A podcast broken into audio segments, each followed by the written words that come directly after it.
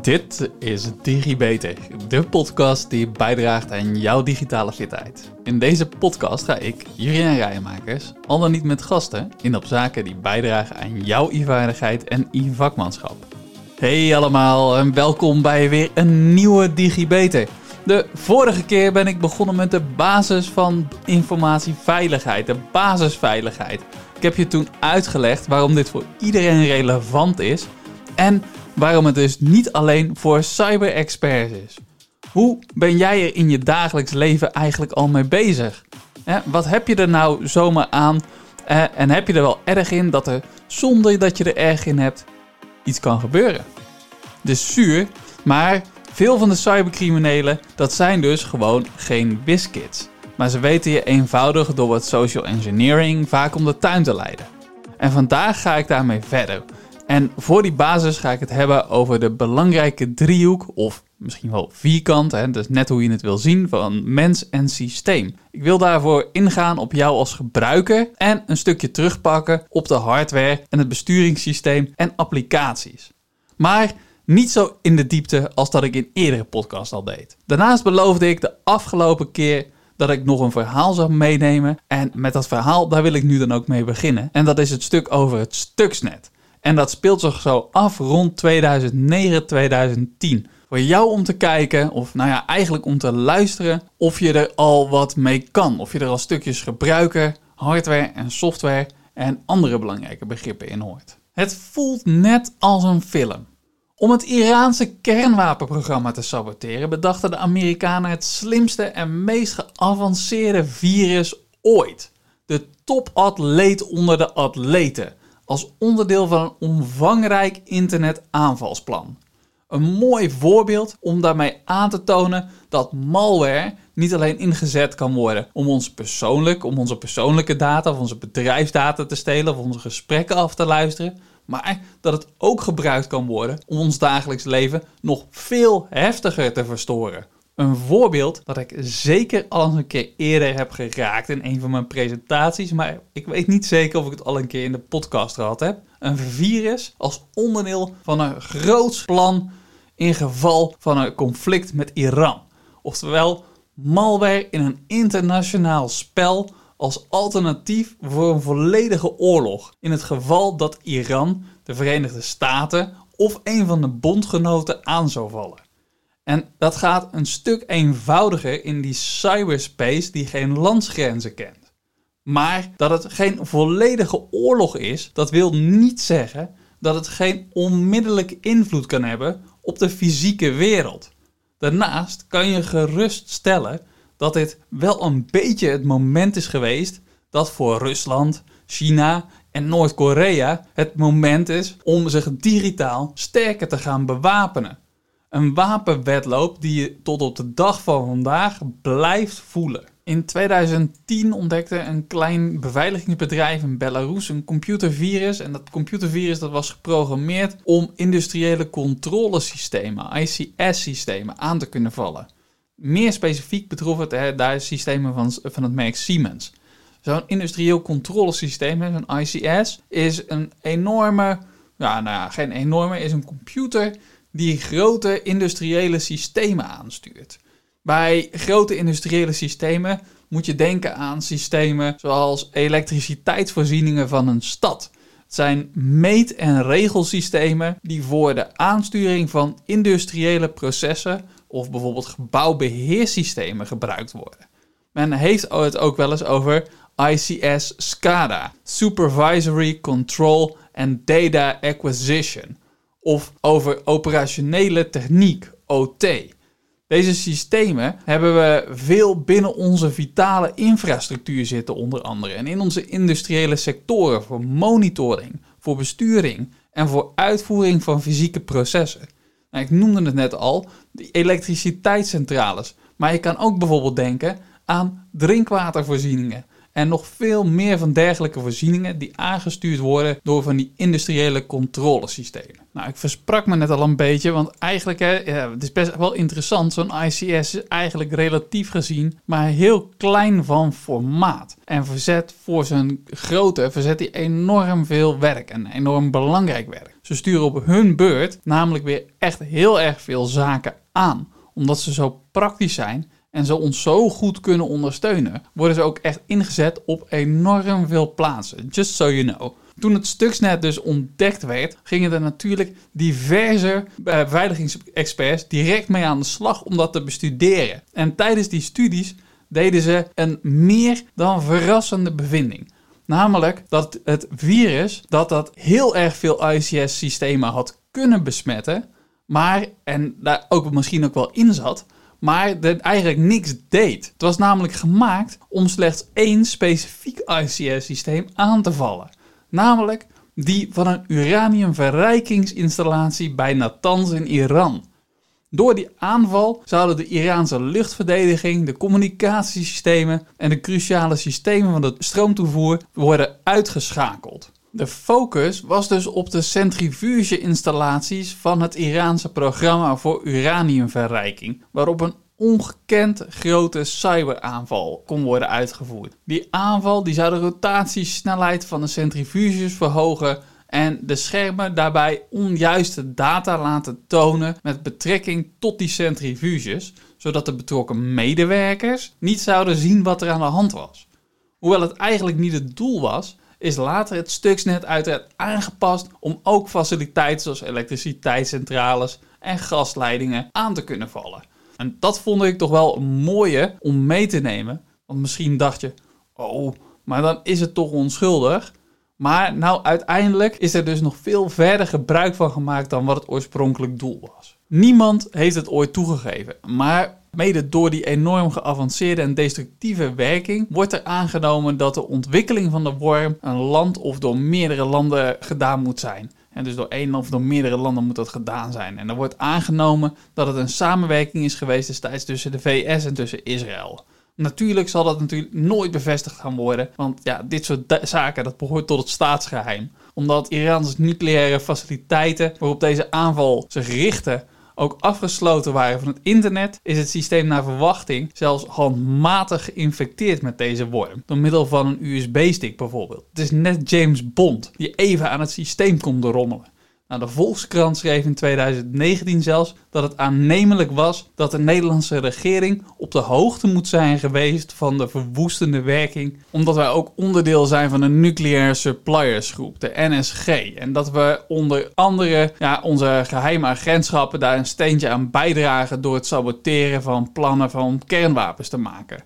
Maar het gaat over cybersecurity en daarom is het goed om je te realiseren dat het schrijven van een dergelijke code voor de aanval behoorlijke inhoudelijke kennis vereist van onder andere de nucleaire basis. Het zou daarom ook niet verwonderlijk zijn, en volgens sommige experts, dat de makers van het Stuxnet de basis, zeg maar waar die nucleaire basis een stuk beter kenden dan de mensen waar veel, ja, die er zelf veel aan het werk waren. Er zijn zelfs geruchten dat het een kwaadwillende insider moet zijn geweest die informatie gelekt heeft. Die kwaadwillende insider is dan ook echt belangrijk om in je achterhoofd te houden in de wereld van informatiebeveiliging. Je hoort regelmatig verhalen rondom spionage als je bijvoorbeeld de verhalen leest van ASML. Ook omkoping kan een oorzaak zijn van lekken. Het is dus goed om te ja, weten wat er om je heen speelt. Om het goed in de gaten te houden wat er allemaal om je heen gebeurt. Misschien zie je wel nou, buitengewone gebeurtenissen in je digitale systeem die je normaal niet zou verwachten. En dan is het dus goed om je digitale systeem wat beter te kunnen kennen. Voor wat betreft het Stuxnet, wat in ieder geval duidelijk is, is dat het Stuxnet een goede kans van slagen had. Of het ooit gewerkt heeft, is niet met zekerheid te zeggen. Maar door de zero-day exploitatie, ofwel hè, het toeslaan nadat een kwetsbaarheid in een netwerk of een systeem bekendgemaakt is, maar nog voordat er een patch of een oplossing voor geïmplementeerd is, is er wel te zeggen dat het een goede kans van slagen had. Wat we in ieder geval wel weten, is dat de basis waar het is gebeurd een behoorlijk aantal centrifuges heeft moeten vervangen. Experts hebben dan ook in diverse media de conclusie getrokken dat het Stuxnet zeer waarschijnlijk wel zijn werk gedaan heeft. Het feit dat dit soort zero days continu geopenbaard worden, vraagt daarom ook om een continu bewustzijn van de omgeving. Er zijn genoeg websites waarop dit soort zero days gepubliceerd wordt. En dus die kun je zelf best even zoeken. Wat ik leuk vind om te vermelden is dat er veel particulieren en ondernemers zijn bijvoorbeeld die gebruik maken van websites zoals WordPress. En WordPress maakt gebruik van behoorlijk wat plugins. Nou, afgelopen jaar was er bijvoorbeeld een veelgebruikte plugin in de top 10 van Zero Days, namelijk WP Gateway. En daarmee zijn er meer dan 280.000 websites aangevallen. De kwetsbaarheid die zorgde ervoor dat de aanvallers een eigen admin gebruiker konden toevoegen aan het CMS. En die plugins ja, die maken WordPress vrij gevoelig. En daar waar ik het afgelopen podcast had over de risico's, de kwetsbaarheden, de dreigingen en de impact, zie ik WordPress, zeker als je een behoorlijke online aanwezigheid moet hebben, uh, als een behoorlijk risico. Waarmee ik overigens niet zeg dat je het niet moet gebruiken, maar wel dus dat je heel erg goed moet nadenken over de kwetsbaarheden in WordPress en dan vooral die plugins en de impact die het heeft op het moment dat je site offline gaat of dat ze via de site mogelijk verder kunnen komen in jouw bedrijfsomgeving. En van dit verhaal moet ik je toch nog een keer meenemen in die algemene kennis. De bits en de bytes van hoe een computer werkt. Waar ik het onder andere in de 41ste podcast al over had, waar ik toen een stuk ingedoken ben. En ik zal daarom eens kijken wat ik dit keer dan toch nog een keer wil behandelen. Maar ik raad je zeker aan je nog een keertje te verdiepen in die 41ste podcast. Onze digitale systemen zijn namelijk almaar complexer geworden. En dat maakt het ook een stuk lastiger te begrijpen hoe ze zijn gebouwd, uit hoeveel diverse complexe componenten ze bestaan. Je moet daarom in ieder geval een beetje kennis hebben van de wat grotere onderdelen van onze digitale systemen. En ook wel enige basale kennis hebben van software, waar ik in de 42e podcast ingedoken ben. Toen ik het had over software, waaronder operating systemen, applicaties en dergelijke. Het weghalen van de fuzz hieromheen is lastig. Maar je moet snappen dat om met een digitaal systeem te interacteren, je een aantal elementen nodig hebt. En dat ben jij als gebruiker, dat is de hardware in het systeem en dat is de software, die ik voor het gemak nu alleen even onderverdeel naar het besturingssysteem om de diverse hardware-elementen samen te laten werken en de applicaties om samen met het OS het een en ander aan te sturen en jouw instructies aan het systeem te verwerken. Input, throughput en output. Of wat we vaker zeggen, input, het processen, ofwel het verwerken en dan door naar de output. Volgens mij maak ik het daarmee wel plat genoeg. En ja, wat ik al zei, voor de verdieping kun je de voorgaande podcast lekker terugluisteren. Ik ga kort langs de gebruiker, de hardware, besturingssysteem en applicaties en de samenwerking hiertussen. Waarbij ik begin bij jou als de gebruiker. Nou ja, niet alleen jij, maar jij, ik en eigenlijk iedereen die iets met digitale systemen doet. Direct zodra je verbindt met het internet, verbind je je met allemaal andere systemen. En daarmee ook heel veel andere gebruikers van die systemen. Veel mensen ken je niet. Maar meestal is dat helemaal geen ramp dat je met ze verbonden bent. Een heel aantal zal je juist graag verbonden mee zijn, want je leest het nieuws, je checkt social media van je vrienden, van familie, je kijkt filmpjes en foto's van katten, je doet er je bankzaken op. Maar ja, er zitten ook mensen tussen die gewoon slechtere bedoelingen hebben. En dat is altijd goed om dat in je achterhoofd te houden. Terwijl ik die stap maak van de hardware, van jou als gebruiker dus, naar die hardware. Een deel van die werking heb ik al behandeld in de 41ste podcast over de bits en de bytes. Maar ik was er nog niet echt doorheen gelopen. En dat heb ik laatst wel gedaan in mijn webinar. En toen bedacht ik me dat het goed was om dat ook in deze podcast nog een beetje toe te voegen. Hoewel het misschien wel lastig is zonder afbeelding erbij, ga ik het in ieder geval proberen. En ja, dan zie ik wel waar ik vastloop. Hardware zijn de fysieke delen bij bijvoorbeeld je desktop. Waar, en dan heb ik het als ik naar de buitenkant kijk, heb ik het over bijvoorbeeld de printer. je muis, een toetsenbord, je monitor en de computerkast en misschien wel je webcam. En je toetsenbord, je muis, je eh, beeldscherm, printer en webcam, die moeten allemaal kunnen communiceren met die computerkast en wat zich in die kast bevindt. Nou, vaak werden die onderdelen voorheen allemaal verbonden met diverse kabels. Tegenwoordig zien we dat ook meer draadloos. Hoewel de stroomintensieve apparaten, zoals eh, je printer en je monitor, toch nog wel vaak hun kabels gewoon voorlopig nodig blijven hebben. De apparaten die draadloos verbonden kunnen worden, die doen dat dan vaak via Bluetooth. En in enkele gevallen, zoals je printer, gaat dat via je draadloze router, oftewel via je wifi. Omdat ik het voor nu even eenvoudig wil houden, moet je maar van me aannemen dat het voor nu nog allemaal met een kabeltje verbonden is. Bij mij thuis is dat in ieder geval nog wel het geval voor de meeste apparaten. Want ja, bedraden internet is toch een stuk stabieler. En mijn printopdracht ja, toch een tikje sneller. En ik zei het al, de meeste apparaten die veel energie nodig hebben, die hebben sowieso voorlopig nog wel even een draadje. Want dat kan je niet oplossen met een batterij of met een USB-kabeltje. Je moet sowieso moet je die dingen nog in het stopcontact inpluggen. De apparaten die minder nodig hebben, zoals je webcam, je toetsenbord of je muis, die kunnen, afhankelijk van wat voor kabel je hebt, ook wel stroom krijgen via de USB-kabel. Nou, en waarom zeg ik nu afhankelijk van wat voor een kabel je hebt? Nou, omdat je ook USB-kabels hebt die enkel alleen stroom doorgeven of die enkel alleen data doorgeven. En dan wisselt het ook nog eens een keer hoeveel stroom, hoeveel energie en hoeveel data ze door kunnen geven. Je ziet tegenwoordig heel goedkoop, zie je van die kabeltjes liggen bij de Action en bij andere winkels. En ik wil niet zeggen dat daarmee die winkels slecht zijn, maar bij een zeer lage prijs moet er wel ergens op bespaard worden. En als je dan zo'n kabeltje koopt, moet je dus wel even heel goed af gaan vragen: Nou, wat wil ik nou met zo'n kabeltje?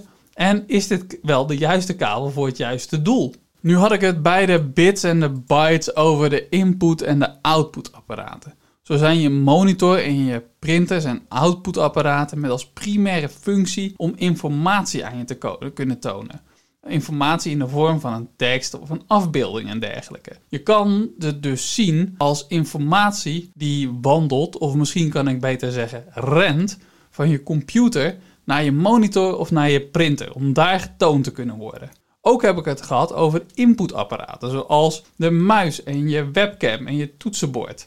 Het doel daarvan is om je computer input te leveren kan het zien als informatie die begint bij jou als gebruiker en die zo die computer binnenvloeit. Dingen als opdrachten, commando's en dergelijke.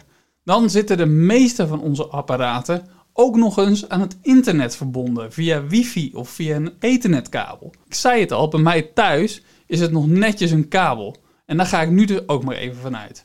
Van die ethernetkabel waarmee mijn computer verbonden is, vloeit weer informatie heen en weer naar andere systemen. En dan heb ik die computer, dat systeem aan de buitenkant op hoofdlijnen volgens mij wel een beetje gehad. En als ik dan de computer open ga maken, dan wordt het al een stuk complexer om te omschrijven. Het meeste van de buitenkant, dat heb je wel eens gezien. Maar ja, die binnenkant, ja, als je hem opent, is waarschijnlijk een hoop abracadabra en dat begint met een hele grote groene plaat. Afhankelijk van of je, ja, wat je opent, is die plaat groter of kleiner. Want in je smartphone past niet zo'n enorme plaat. Maar in je computer eh, en je laptop is die wat groter. En ik blijf nog even uitgaan van de computer. Nou, dan moet je maar bedenken dat het bij de smartphone en bij je laptop allemaal in ja, kleinere miniatuurvorm daarin terugkomt. Die groene plaat wordt ook wel het moederbord genoemd. En alle hardware in je computerkast is verbonden via dat moederbord. Verder is een van de dingen die je als eerste op zullen vallen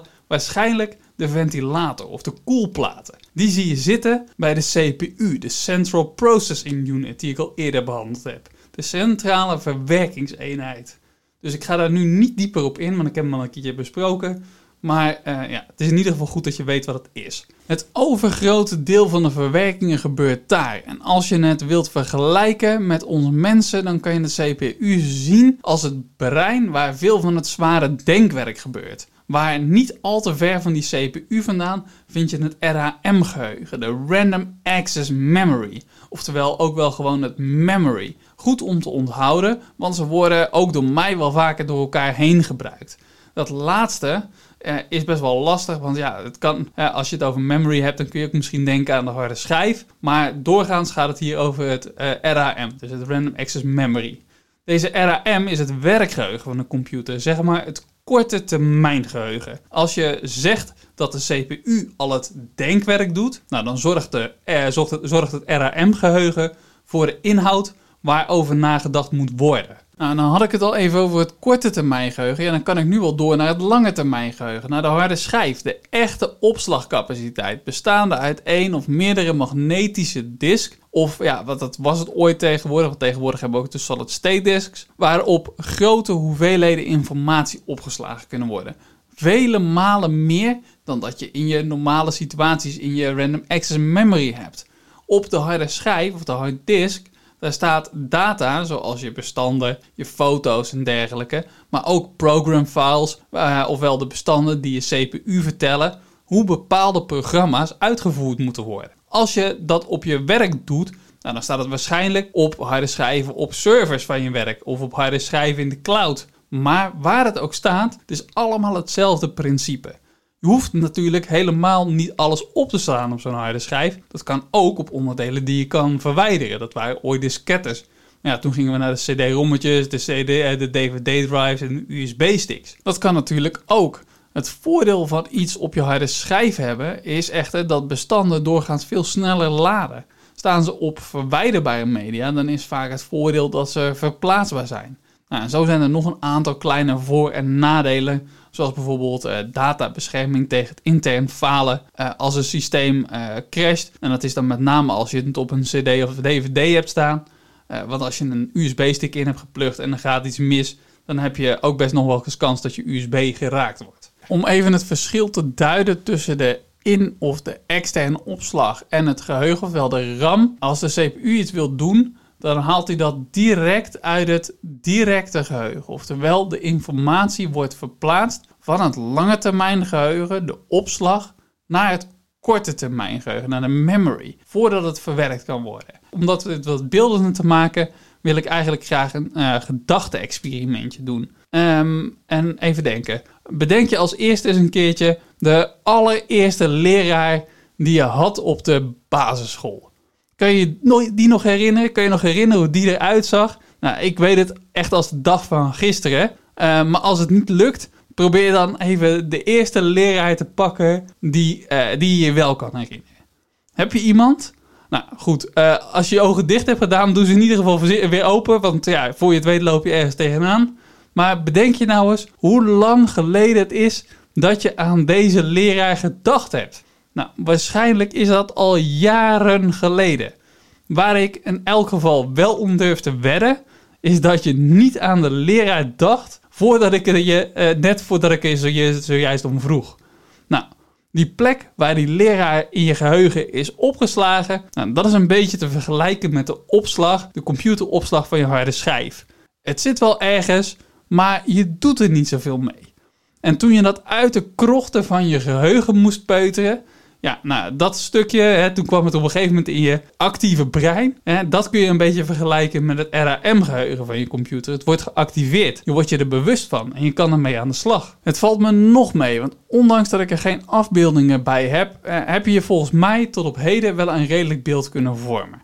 Nou, zo niet, laat het me even weten via de bekende weg hier onderin, via het linkje in de show notes. Er is nog een klein deel van de interne computer dat ik graag met je wil bespreken en dat zijn de uitbreidingen die vaak mogelijk zijn in je computersysteem. Of althans waren. Want in de laptops en in de telefoons van tegenwoordig, daar zit nog maar weinig speelruimte. Maar in de computerkasten, die waren toch stiekem heel praktisch en best wel duurzaam. En er waren een heel groot aantal slots. En slots waar je gewoon kon wisselen. En dat waren input- en output slots. Bij de kleinere systemen zijn die dergelijke vrije sloten zijn vaak al verwerkt in het moederbord. Maar in de kasten zat daar bijvoorbeeld ruimte voor de videokaart, de geluidskaart, Bluetooth en al dan niet een uh, gecombineerde wifi-netwerkkaart om uh, je, onder andere je ethernetkabel in te stoppen, je wifi te ontvangen. En op die manier realiseerde je meer manieren aan de achterkant, maar soms ook aan de voorkant, om nieuwe hardware aan je systeem aan te sluiten, zoals je ethernetkabel. Maar uh, ja, zo'n videokaart zorgt er natuurlijk ook eh,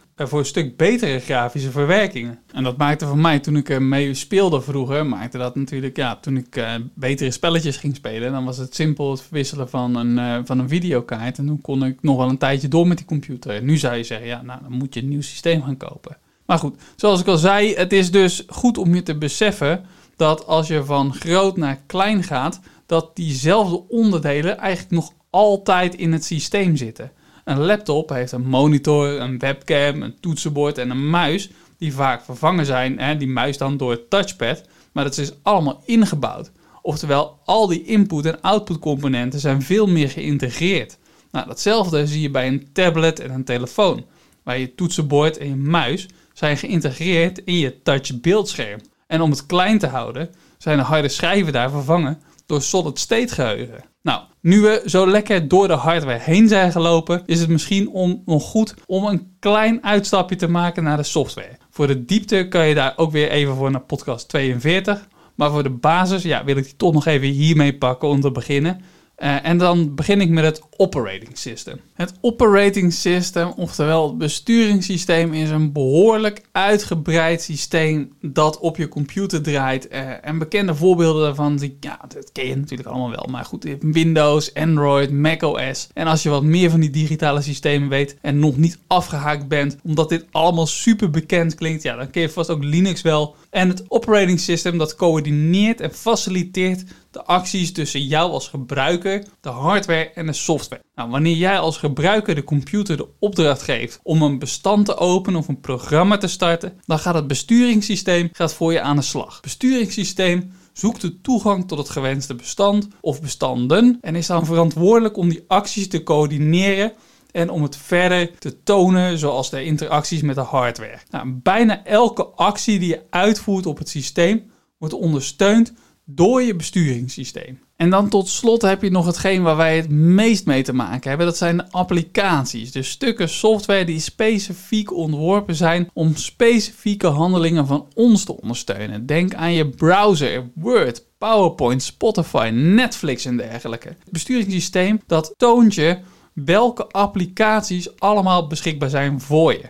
Maar als je dan zo'n applicatie wil starten, ja, dan opent het besturingssysteem de applicatie en zal het besturingssysteem de interactie coördineren tussen de applicatie en de hardware. Nou, als je regelmatig jezelf afvraagt waarom je niet op elke computer eh, dezelfde applicaties hebt, nou, dan zou je nu een beetje een idee moeten hebben waarom. Ik heb het vandaag dus gehad over het Stuxnet, waar ze waarschijnlijk met zo'n stukje verwijderbare media eh, zijn binnengekomen om als gebruiker de worm te planten in de Iraanse nucleaire systemen. En daarmee een mooie introductie naar de lagen van de computer de gebruikers, de hardware en de software. Waarbij ik de software plat heb geslagen tot het besturingssysteem en de applicaties. Lukt het je nu wel om het Stuxnet verhaal hier aan te knopen? Ik hoop van wel. Nou, even heel kort door de bocht. De USB-stick, de hardware, de mensen die de interactie in het systeem, uh, ja, die met menselijke interactie in het systeem wordt gebracht. En daarop een stukje software dat automatisch of door menselijke interactie weer is geactiveerd. Om het maar even kort een beeld te schetsen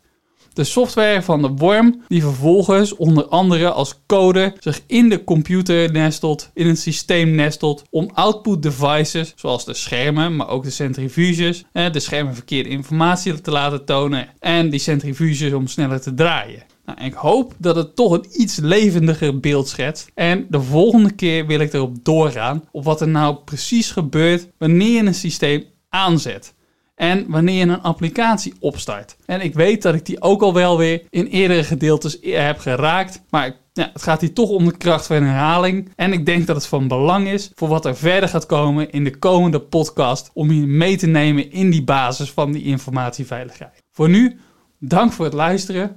Tot de volgende keer. Tot de volgende DigiBeter. Vond je dit nu een leuke uitzending en wil je meer weten? Abonneer je dan op de podcast door op volgen te klikken het duimpje omhoog en geef een beoordeling van bijvoorbeeld 5 sterren, zodat nog meer mensen deze podcast kunnen vinden. Wil je collega's, vrienden, familie, zoals je opa of oma, net zoveel plezier doen en ze digitaal fitter krijgen? Deel dan de podcast. En zo worden we samen allemaal digitaal. Heb je een vraag over wat er verteld is in de podcast? Een bepaald onderwerp dat je graag terug zou willen horen? Of wil je gewoon laten weten dat je erg van de podcast genoten hebt? Je kan mij feedback geven en vragen stellen via LinkedIn. Zoek dan even naar Juriaan Rijmakers. Hoe dan ook, na deze podcast ben je weer een beetje digifitter. Tot de volgende keer, tot de volgende DigiBeter.